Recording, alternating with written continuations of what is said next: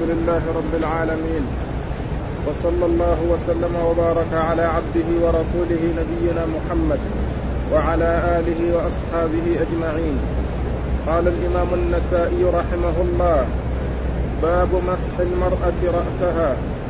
وقال أخبرنا الحسين بن حريث قال حدثنا الفضل بن موسى عن جعيد بن عبد الرحمن قال أخبرني عبد الملك بن مروان بن الحارث بن أبي ذباب قال أخبرني أبو عبد الله سالم سبلان قال وكانت عائشة تستعجل بأمانته وتستأجره. فأردني كيف كان رسول الله صلى الله عليه وسلم يتوضأ. فتمضمضت واستنثرت ثلاثا وغسلت وجهها ثلاثا ثم غسلت يدها اليمنى ثلاثا واليسرى ثلاثا ووضعت يدها في مقدم رأسها ثم مسحت رأسها مسحة واحدة إلى مؤخره. ثم ثم أمرت يديها بأذنيها. ثم مرت على الخدين. قال سالم كنت آتيها مكاتبا ما تختفي مني. فتجلس بين يدي وتتحدث معي. حتى جئتها ذات يوم. فقلت ادعي لي بالبركة يا أم المؤمنين. قالت وما زاد؟ قلت أعتقني الله. قالت بارك الله لك. وأرخت الحجاب دوني فلم أرها. حجاب. وأرخت الحجاب دوني فلم أرها بعد ذلك اليوم. بسم الله الرحمن الرحيم. الحمد لله رب العالمين وصلى الله وسلم وبارك على عبده ورسوله نبينا محمد وعلى آله وأصحابه أجمعين. أما بعد يقول النسائي رحمه الله باب مسح المرأة رأسها. ذكر النسائي في التراجم السابقة بعض التراجم المتعلقة بمسح الرأس وأورد فيه بعض الأحاديث التي في التي فيها بيان كيفية المسح وعدد ذلك. ثم أورد النسائي هذه الترجمة وهي باب مسح المرأة رأسها. ومن المعلوم أن أحكام الشريعة هي مشتركة بين الرجال والنساء. فلا فرق بين النساء بين الرجال والنساء في الأحكام إلا إذا جاء دليل يخص الرجال بشيء أو يخص النساء بشيء. وحيث لا دليل على تخصيص أي منهما فإن أحكام الشريعة مشتركة بين الرجال والنساء. لا فرق بين الرجال والنساء في, الأحكام الشرعية. وإنما التفريق بينهم بين الرجال والنساء فيما جاء دليل أو ما أو فيما جاء أدلة في الشرع على تمييز النساء عن الرجال في الأحكام أو الرجال عن النساء في الأحكام. وحيث لا تمييز لأي منهما فإن الحكم واحد بالنسبة للجميع. وهذا وقد أورد النسائي تحت هذه الترجمة حديث عائشة رضي الله عنها الذي يرويه عنها سالم سبلان وكانت تستعجب من أمانته وتستأجره يعني هذا الرجل الرقيق فكانت تستأجره وت وتعرفه بالأمانة والجد في العمل وكانت تستأجره فأرته كيف الوضوء فتوضأت وهو يرى فأخذت أتت بماء فأخذت منه وتمضمضت واستنشقت ثلاثا ثم غسلت وجهها ثلاثا ثم يديها المرفقين ثلاثا ثم مسحت رأسها ومسحت أذنيها مع رأسها ثم غسلت رجليها ثم غسلت رجليها. ومسح والمقصود من ذلك مسح الرأس لأنها آه، أمرت يدها على رأسها ثم مسحت بأذنيها والأذنان من الرأس وحكمهما حكم الرأس في المسح فهما من الرأس أي يمسحان أي حكمهما المسح وليستا من وليستا من الوجه فيكون فرضهما الغسل ليستا من الوجه فيكون فرضهما الغسل وإنما هما من الرأس ففرضهما المسح ففرضهما المسح وليس الغسل. وقد جاء في ذلك أحاديث وقد جاء في ذلك أحاديث في آه، مسحهما مع الرأس وفي بيان كيفية مسحهما. وحديث عائشة رضي الله عنها وأرضاها هذا فيه مسح الأذنين مع الرأس. فيكون فرضهما المسح وليس الغسل. وفي الحديث أنها لما آه، مسحت أذنيها مرت بيديها على خديها مرت بيديها على خديها. ف وهذا كما هو معلوم لا دخل له في الوضوء لا دخل له في الوضوء لأن الخدان من الوجه وقد غسل وقد غسل قبل قبل غسل اليدين. قبل غسل اليدين لأنه الفروض الغسل الوضوء غسل الوجه. والوجه يدخل فيه الخدان. ولكن آه، قيل إن إمرارها يدها على وجه على خديها بعد أن مسحت أذنيها ليذهب أو ليذهب ما في يدها من الماء بالخدين. أو ويحتمل أن يكون أيضا آه، أن اليدين مرت على الخدين وهما في طريقهما للنزول فيكون مرورهما إنما هو في الطريق إلى إرسالهما بعد أن فرغت من مسحهما إلى إرسالهما والاشتغال بغسل الرجلين والاشتغال بغسل الرجلين. فليس لذكر الخدين بعد مسح الأذنين بعد المسح على الأذنين آه بيان حكم فيما يتعلق بأحكام الوضوء لأن الخدين غسلهما مع الوجه وقد حصل ذلك في أول آه الوضوء حيث يبدأ بغسل الوجه ثم غسل اليدين إلى المرفقين ثم مسح الرأس ثم بعد ومنه الأذنان ثم بعد ذلك غسل الرجلين. نعم. ما ذكر في الرجلين. آه من المعلوم أن عدم ذكر الرجلين لا ينفيهما وإنما هذا من الاختصار من اختصار الرواة. يعني أحيانا يأتي يأتون بالحديث مختصرا وأحيانا يأتون به مطولا. وأحيانا يأتون به مطولا وعدم إيراده لا يعني آه عدم ذكره وإنما يعني حصول الاختصار من الرواة. وفي الحديث أنه كان مكاتبا وكان يأتي إليها وتجلس بين يديه وتتحدث إليه. ثم إنه والمكاتب هو الذي هو الذي آه، اتفق مع أوليائه على أن يفدي نفسه بأن يجمع لهم الأموال ويأتي بها إليهم شيئا فشيئا. فإذا أدى الذي اتفق, اتفق معه عليه صار حرا. وما دام بقي عليه درهم فهو رقيق. ما دام بقي عليه درهم فهو رقيق.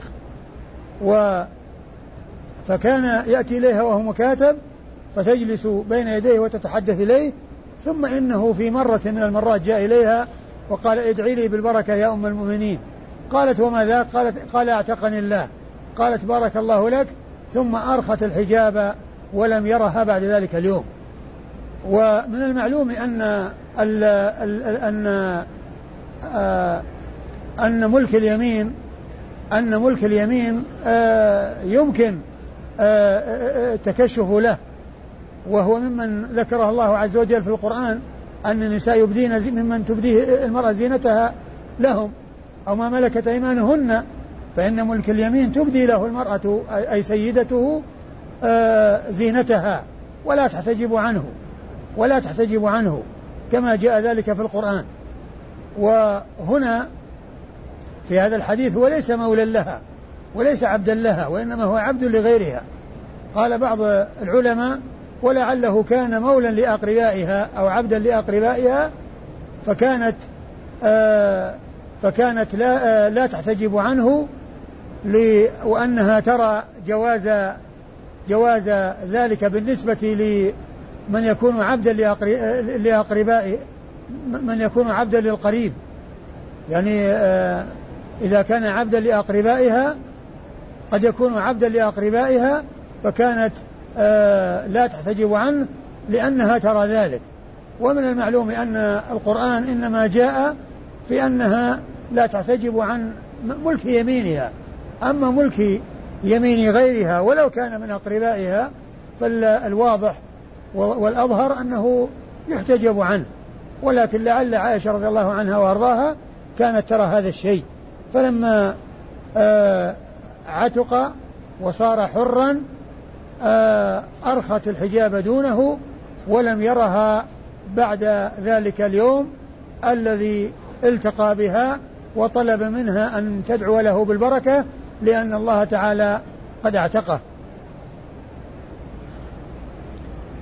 آه وفي هذا الحديث آه مثل ما في الذي قبله من حرص الصحابة رضي الله عنهم وأرضاهم على بيان السنن وبيان الحق والهدى رجالهم ونساؤهم هذا شأنهم وهذا ديدنهم آه يبينون الحق للناس وإن لم يسألوا يبينون الحق للناس وإن لم يسألوا ابتداء يحصل ذلك ابتداء منهم دون أن يكون ذلك التعليم ودون ذلك أن يكون ذلك التوجيه والإرشاد مبنيا على سؤال. بل يبدأون الناس بتعليمهم وتوجيههم وإرشادهم فإن عائشة رضي الله عنها وأرضاها أرته كيفية الوضوء وتوضأت وهو يراها. وفيه أيضا بيان التعليم بالفعل كما يكون بالقول. التعليم يكون بالفعل ويكون بالقول. وهنا علمته وبينت له بفعلها بين يديه رضي الله تعالى عنها وأرضاها. أما إسناد الحديث فيقول النسائي أخبرنا الحسين بن حريث الحسين بن حريث والحسين بن حريث هو الخزاعي المروزي. وسبق أن مر ذكره فيما مضى وهو ثقة خرج حديثه أصحاب الكتب إلا من إلا من ماجه وهو ثقة خرج حديثه أصحاب الكتب الستة إلا ابن ماجه وقد سبق أن مر ذكر هذا هذا الرجل في الأسانيد الماضية. عن عن الفضل بن موسى الفضل بن موسى السيناني المروزي هو أيضا مروزي مثل تلميذه وهو ممن خرج وهو ثقة خرج حديثه أصحاب الكتب الستة. وهو ثقة خرج حديثه أصحاب الكتب الستة. عن الجعيد بن عبد الرحمن. والجعيد بن عبد الرحمن هنا جاء مصغرا ويأتي مكبرا ومصغرا ويأتي منسوبا إلى أبيه وإلى جده وهو الجعد ابن عبد الرحمن بن أوس الجعد بن عبد الرحمن بن أوس. فيأتي مكبرا فيقال الجعد ويأتي مصغرا كما هنا فيقال الجعيد ويقال الجعد بن عبد الرحمن ويقال الجعد بن أوس ويقال الجعيد بن عبد الرحمن ويقال الجعيد بن أوس. يعني معناه أنه يأتي أحيانا منسوبا إلى أبيه وأحيانا منسوبا إلى جده وهنا جاء مصغرا ومنسوبا إلى أبيه وهنا جاء مصغرا ومنسوبا إلى أبيه وهو الجعيد بن عبد الرحمن. الجعيد بن عبد الرحمن وهو ثقة خرج حديثه أصحاب الكتب إلا ابن ماجه مثل الحسين بن حريث. شيخ النسائي هنا لأن كل منهما من الحسين بن حريث ومن الجعيد بن عبد الرحمن كل منهما خرج حديثه أصحاب الكتب إلا ابن ماجه فلم يخرج لهما. أي لشيخ النسائي هنا الحسين بن حريث الخزاعي المروزي وللجعيد بن عبد الرحمن آه، ابن أوس. وهو كما قلت ثقة خرج حديثه أصحاب الكتب إلا ابن ماجه. عن عبد الملك عن عبد الملك بن ابن مروان بن الحارث بن ذباب. عبد الملك بن مروان ابن الحارث ابن ذباب. ابن أبي ذباب. عبد الملك بن الح... ابن مروان بن الحارث بن أبي ذباب. وهذا الرجل آآ آآ وصفه الحافظ في التقريب بأنه مقبول. وصفه الحافظ في التقريب بأنه مقبول وأن النسائي قد خرج حديثه. يعني لم يخرج له إلا النسائي. يعني ممن خرج الذي خرج له من أصحاب الكتب هو النسائي.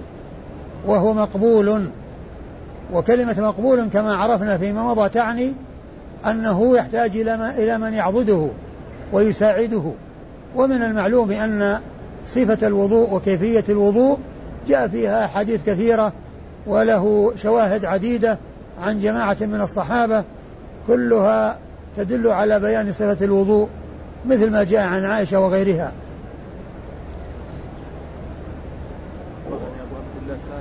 و وعبد الملك بن مروان يروي عن أبي عبد الله سالم سبلان. وسالم سبلان هو سالم بن عبد الله النصري. سالم ابن عبد الله النصري. يقال له سالم سبلان. و وهو مما وهو صدوق خرج له مسلم وابو داود والنسائي وابن ماجه. لم يخرج له البخاري ولا الترمذي. لم يخرج له البخاري ولا الترمذي وإنما خرج له مسلم وخرج له أبو داود والنسائي وابن ماجه أربعة من أصحاب الكتب آه مسلم وأبو داود والنسائي وابن ماجه وهو صدوق. وأما عائشة فهي أم المؤمنين التي مر ذكرها في الأسانيد الماضية مرارا وتكرارا وهي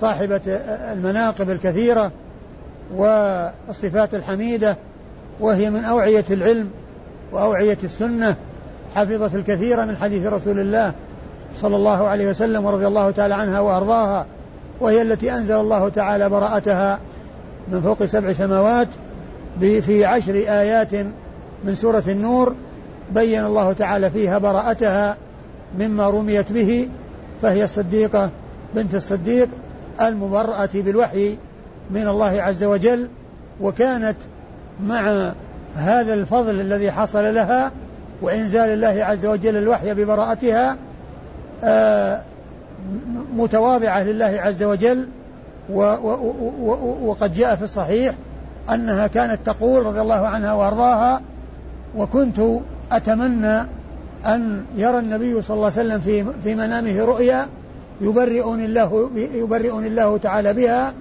ولشأني في نفسي أهون من أن ينزل الله تعالى في آيات تتلى. ولشأني في نفسي أهون من أن ينزل الله في آيات تتلى. يعني مع نبلها وعلو مكانتها تتواضع لله عز وجل وتقول ولا شأني في نفسي أهون من أن ينزل الله تعالى في آيات تتلى. رضي الله تعالى عنها وأرضاها.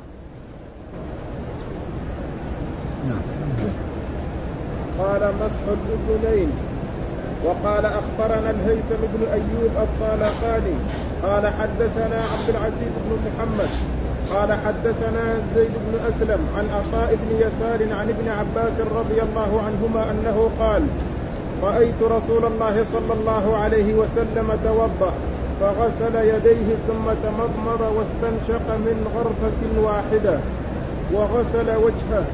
وغسل يديه مرة مرة ومسح برأسه وأذنيه مرة. قال عبد العزيز فأخبرني من سمع ابن عجلان يقول يقول في ذلك وغسل رجليه. ثم ذكر النسائي هذه ترجمة هبان مسح الأذنين. لما ذكر مسح الرأس ذكر مسح الأذنين. وأن وذلك أن الأذنين من الرأس فيكون حكمهما المسح كما أن حكم الرأس المسح وليس حكمهما الغسل لأنهما لا يعتبران من الوجه فيغسلان وإنما من الرأس فيمسحان. وقد أورد النسائي في هذا حديث ابن عباس رضي الله تعالى عنهما وهو في بيان صفة وضوء النبي عليه الصلاة والسلام مرة مرة مرة أي أن كل عضو من أعضاء الوضوء يغسله مرة واحدة. وقد عرفنا فيما مضى أن السنة جاءت بالغسل مرة مرة واثنتين اثنتين وثلاثا ثلاثا وبالتفاوت بأن يكون مرة ومرتين أو ثنتين وثلاث كل هذا جاءت به السنة عن رسول الله عليه الصلاة والسلام. وحديث ابن عباس يدل على الغسل للأعضاء في الوضوء مرة مرة. وقد حكى ابن عباس رضي الله تعالى عنهما وضوء كيفية وضوء النبي عليه الصلاة والسلام وأنه تمضمض واستنشق وغسل وجهه مرة وغسل يديه مرة مرة مرة وغسل ومسح رأسه مع الأذنين مرة.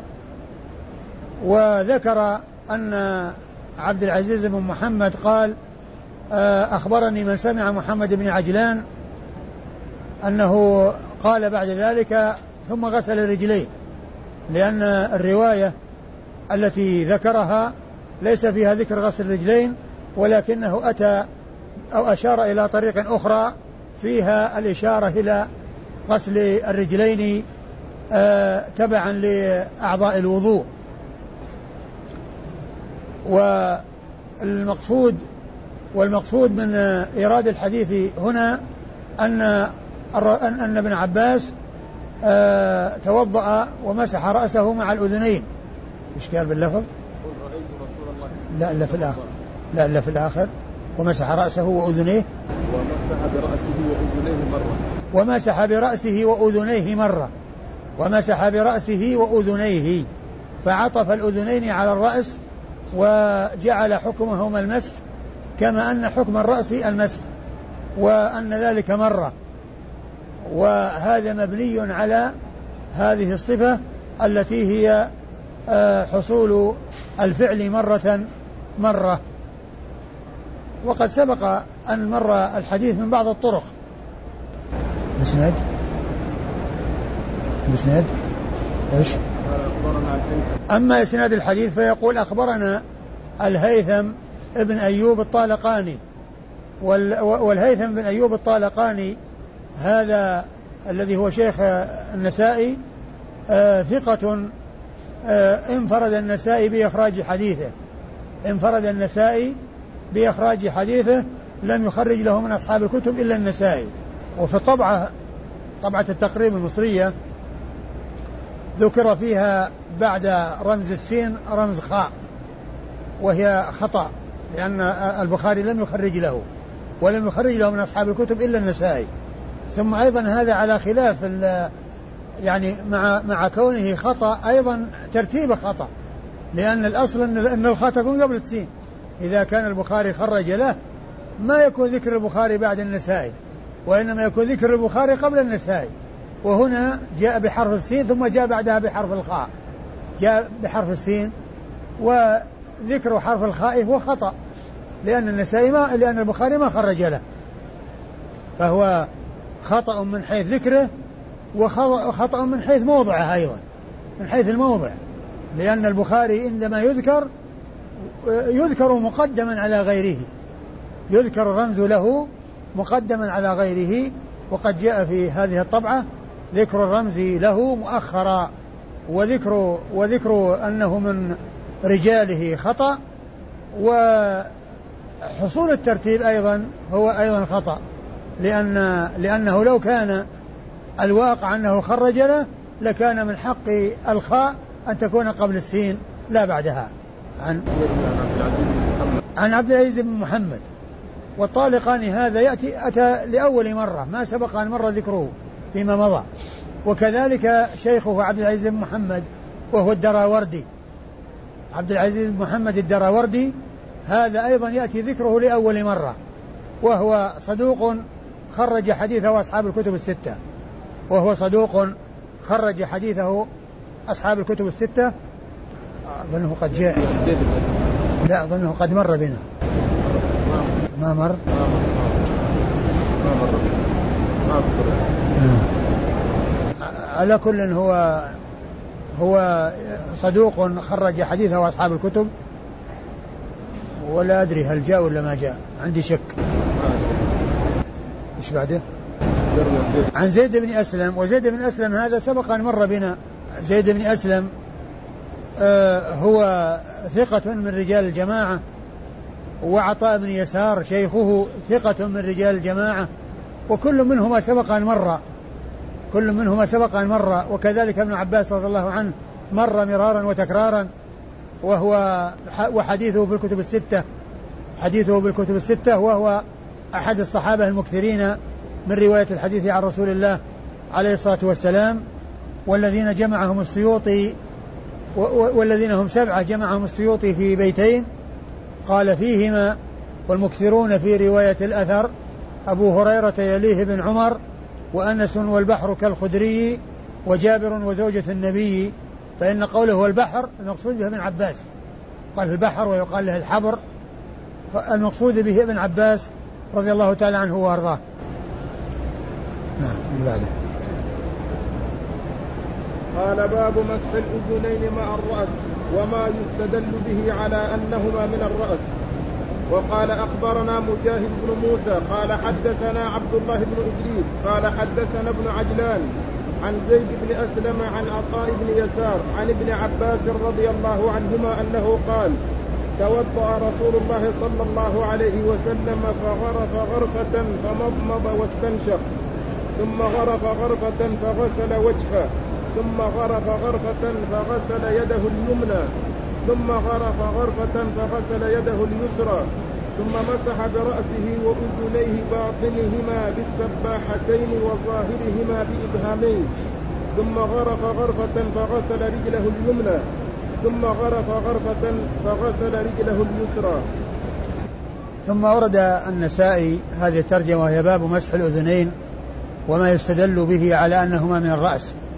وما يستدل به على أنهما من الرأس يعني فيمسحان.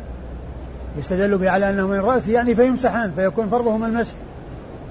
فيكون فرضهما المسح. هذا هو المقصود بكونهما من الرأس. هما من الرأس. لكن المقصود هو هل هما حكمهما حكم المسح حكم الرأس فيمسحان أو حكم الوجه فيغسلان. المقصود أن حكمه حكم الرأس. فهما من الرأس فيمسحان. وأورد النسائي حديث ابن عباس من طريق أخرى. حديث ابن عباس من طريق أخرى وفيه أنه مسح رأسه مع أذنيه آه، آه، جعل السباحتين في داخلهما وإبهامه في خارجهم والإبهام في خارج في ظاهرهما. يعني أنه أن كيفية المسح أن يجعل السبابة أو السباحة في داخل الأذن والإبهام في خارجها.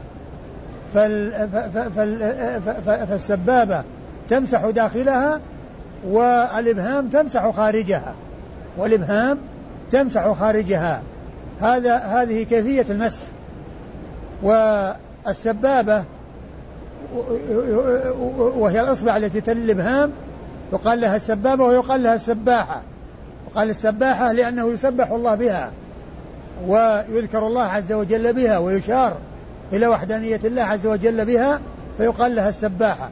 ويقال لها السبابة لأنه يسب الشيطان بها ولأنهم كانوا عندما في الجاهلية عندما يكون هناك التساب يشيرون بها يشيرون بها يعني سبا أو من أجل السب. فيقال لها السبابة ويقال لها السباحة. ويقال لها المسبحة لأن الله تعالى يسبح بها. تعيد مثل الحديث. عن ابن عباس رضي الله عنهما أنه قال توضأ رسول الله صلى الله عليه وسلم فغرف غرفة فمضمض واستنشق. ثم غرف غرفة فغسل وجهه.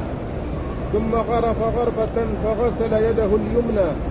ثم غرف غرفة فغسل يده اليسرى ثم مسح برأسه وأذنيه باطنهما بالسباحة بالسباحتين وظاهرهما بإبهامين ثم غرف غرفة فغسل رجله اليمنى ثم غرف غرفة فغسل رجله اليسرى. وهذه الترجمة التي عقدها النسائي هنا وما يستدل به على أنهما من الرأس يعني فيمسحان واستدل بما حصل من مسحهما فيكون حكمه ما حكم الرأس وفيه إشارة إلى ما ورد من الحديث وهو حديث الأذنان من الرأس. ورد حديث الأذنان من الرأس وفيه كلام ولكنه ثابت ولكن للكلام الذي فيه اختار النسائي أن يستدل على أن الأذنين من الرأس فيمسحان بحديث ابن عباس هذا الذي فيه أن أن النبي أن النبي صلى الله عليه وسلم مسحهما مسحهما كما مسح الرأس فيكون حكمهما من حكمهما حكم الرأس فيكون هذا الحديث الصحيح يؤدي ما يؤديه ذلك الحديث الذي فيه كلام وهو إن وهو ثابت. يعني ذلك الحديث الذي هو الأذنان من الرأس هو ثابت. لكن أن النسائي النسائي تجنبه واختار هذا الحديث آه الذي يدل على ما يدل عليه ذلك الحديث. وأما إسناد الحديث فيقول النسائي أخبرنا أخبرنا مجاهد بن موسى. أخبرنا مجاهد بن موسى وهو الخوارزمي. والخوارزمي شيخ النسائي ثقة خرج حديثه خرج حديثه مسلم وأصحاب السنن الأربعة. مسلم وأصحاب السنن الأربعة. عن من؟ عبد الله بن إدريس. عن عبد الله بن إدريس. وعبد الله بن إدريس هو الأودي الكوفي. عبد الله بن إدريس الأودي الكوفي وهو ثقة عابد وحديثه عند أصحاب الكتب الستة. وحديثه عند أصحاب الكتب الستة. عن عن ابن عجلان. ابن عجلان هو محمد بن عجلان الذي سبق أن مر ذكره فيما مضى. وهو آه وهو ممن خرج حديثه البخاري تعليقا ومسلم وأصحاب السنن. وهو صدوق. وصدوق ولا ثقة؟ وهو صدوق. وهو صدوق حرج حديثه البخاري في تعليقا ومسلم وأصحاب السنن الأربعة. وسبق أن ذكرت لكم آه، عندما مر ذكره فيما مضى أنهم ذكروا في ترجمته أن أمه, أمه حملت به ثلاث سنين أو أربع سنين. يعني بقي في بطنها ثلاث سنين أو أربع سنين. محمد بن عجلان هذا. عن عن زيد بن أسلم. وبقية الإسناد كالذي تقدم. زيد بن أسلم عطاء بن يسار ابن عباس كالذي تقدم في الحديثين السابقين اللي بعده. قال أخبرنا قتيبة وعتبة بن عبد الله عن مالك عن زيد بن أسلم عن عطاء بن يسار عن عبد الله الصنابحي أن رسول الله صلى الله عليه وسلم قال إذا توضأ العبد المؤمن فتمضمض خرجت الخطايا من فيه. فإذا استنثر خرجت الخطايا من أنفه فإذا غسل وجهه خرجت الخطايا من وجهه حتى تخرج من تحت أشفار عينيه. فإذا غسل يديه خرجت الخطايا من يديه حتى تخرج من تحت أظفار يديه. فإذا مسح برأسه خرجت الخطايا من من رأسه حتى تخرج من أذنيه. فإذا غسل رجليه خرجت الخطايا من رجليه حتى تخرج من تحت أظفار رجليه ثم كان مشيه إلى المسجد وصلاته نافلة له. قال قتيبة عن الصنابحي أن النبي صلى الله عليه وسلم قال ثم ورد النسائي حديث الصنابحي عبد الله الصنابحي و ومقصوده منه آه، بيان مسح الأذنين والاستدلال على أنهما من الرأس والاستدلال على أنهما من الرأس وذلك وهو والحديث من حديث فضائل الأعمال وما حديث الترغيب وفيه بيان فضل الوضوء وما يحصل به من حط الخطايا وحط السيئات فإنه جاء في هذا الحديث أن الإنسان إذا توضأ فغسل وجهه آه، خرجت الذنوب حتى تخرج من بين أشفار عينيه. بمعنى أنها تخرج الذنوب من عينيه يعني ما حصل من من من, من النظر في عينيه وما إلى ذلك فإنه آه، تخرج الذنوب. وكذلك إذا غسل يديه تخرج من تحت أظفار أصابع يديه وإذا مسح رأسه خرجت من بين خرجت من أذنيه. وهذا مما يدل على أن الأذنين من الرأس لأنه لما ذكر الرأس قال خرجت يعني خرجت خطاياه من أذنيه. يعني معناه أن الأذنين من الرأس وأن حكمهما حكم الرأس في المسح. وهذا هو الذي أراده النسائي من إراد الحديث هنا وأن الأذنين من الرأس يعني ففرضهما المسح. وكذلك إذا غسل رجليه خرجت تخرج الذنوب والخطايا حتى تخرج من أظفار قدميه.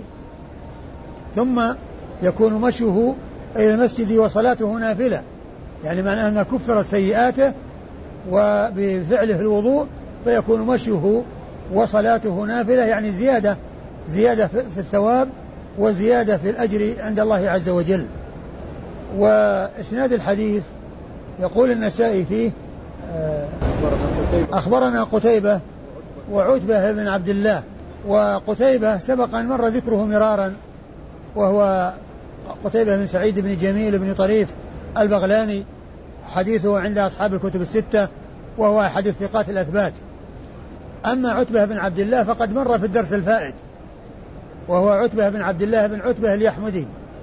عتبة بن عبد عتبة بن عبد الله بن عتبة اليحمدي وقد مر ذكره في الدرس الفائت وهو صدوق خرج حديثه النسائي وحده وهو صدوق خرج حديثه النسائي وحده.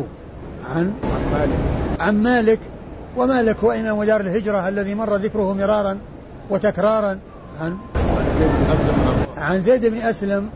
وعن زيد بن أسلم يروي عن عطاء وكل منهما مر ذكره في الأحاديث الماضية هذا اليوم وقبل هذا اليوم. وعطاء بن يسار يروي عن عبد الله الصنابحي يروي عن عبد الله الصنابحي وعبد الله الصنابحي اختلف فيه بل قال الحافظ بن حجر في التقريب اختلف في وجوده.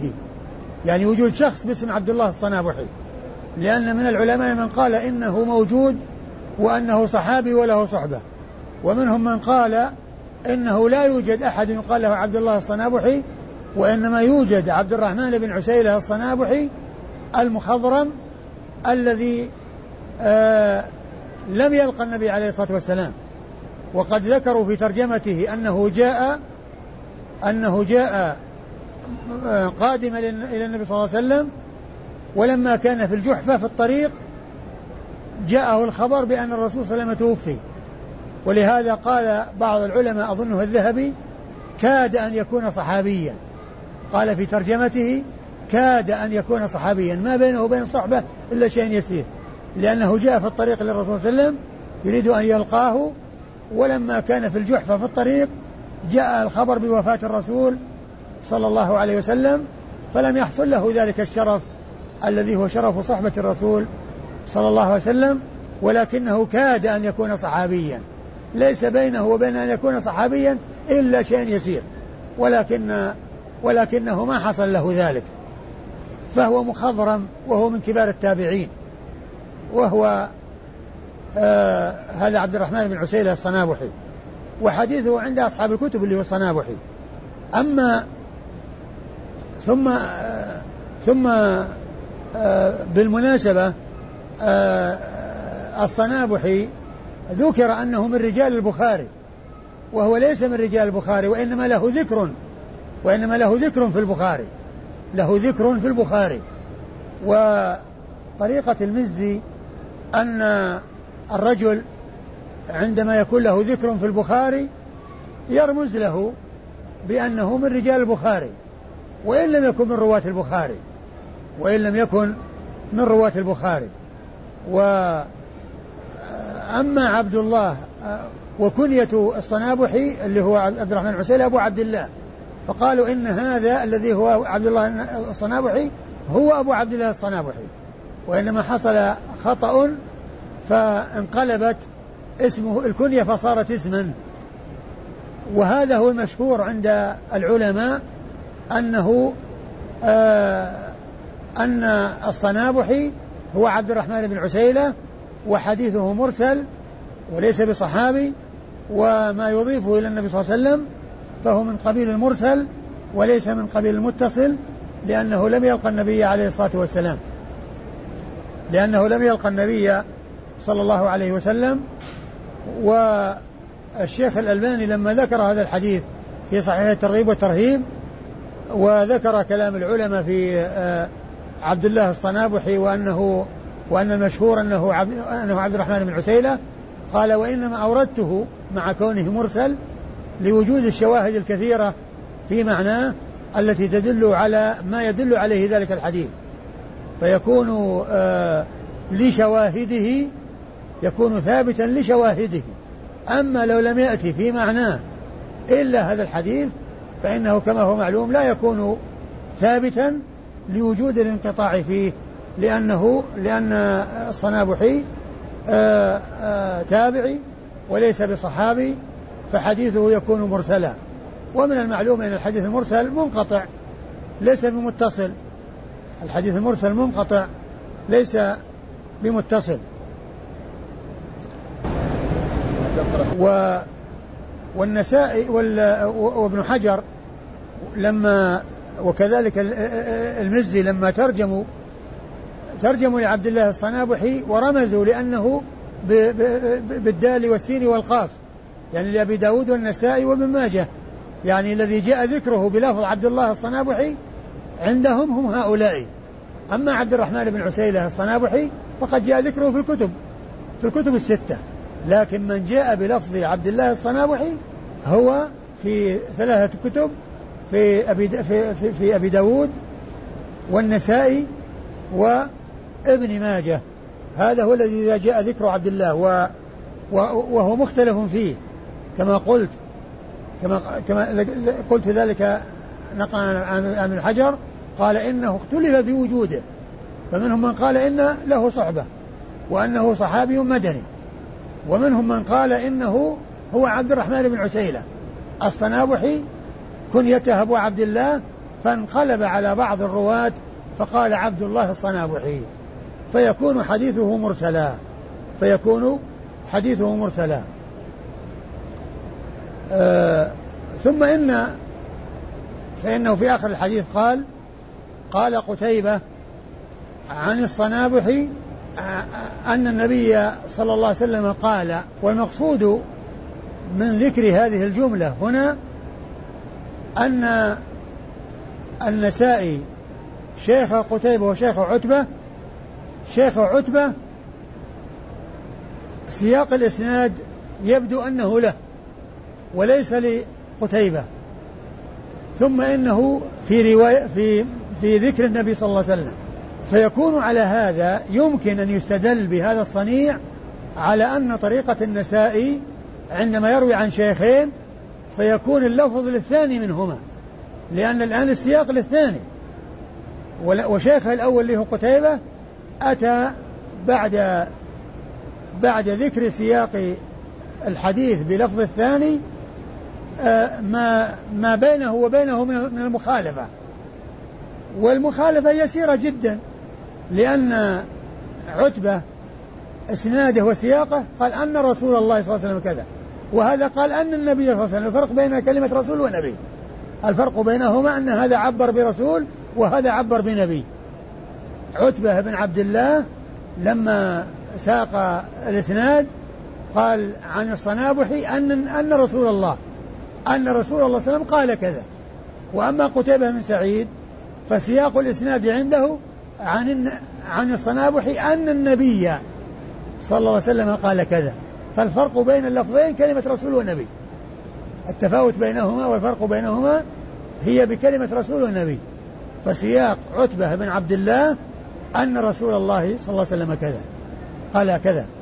وسياق قتيبة بن سعيد أن النبي صلى الله عليه وسلم قال كذا. هذا هو الفرق بين السياقين. وكما قلت أنا قلت فيما مضى أننا عرفنا اصطلاح البخاري أن أنه إذا ذكر حديث عن شيخين فإن الحديث للثاني منهما وذلك عرف بالاستقراء من صحيحه. وقلت لكم فيما مضى أن النسائي لا نعرف طريقة ولعله يتبين في المستقبل يعني في في الأحاديث أو في كلام النسائي ما قد يشعر بصنيعه أو باصطلاحه أو طريقته.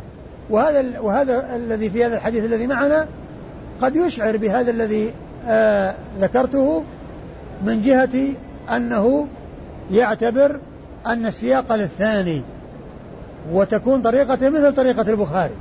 طريقته أيضا مثل طريقة البخاري في أن اللفظ للثاني فإن كونه ذكر الحديث على السياق على على لفظ عبد الله عتبة بن عبد الله ثم بعد ذلك ذكر اللفظ الذي عند شيخه قتيبة هو الأول يعني معناه أن السياق يكون للثاني. فهذا يشعر ويدل على هذا. والله أعلم وصلى الله وسلم وبارك على عبده ورسوله نبينا محمد وعلى آله وأصحابه أجمعين.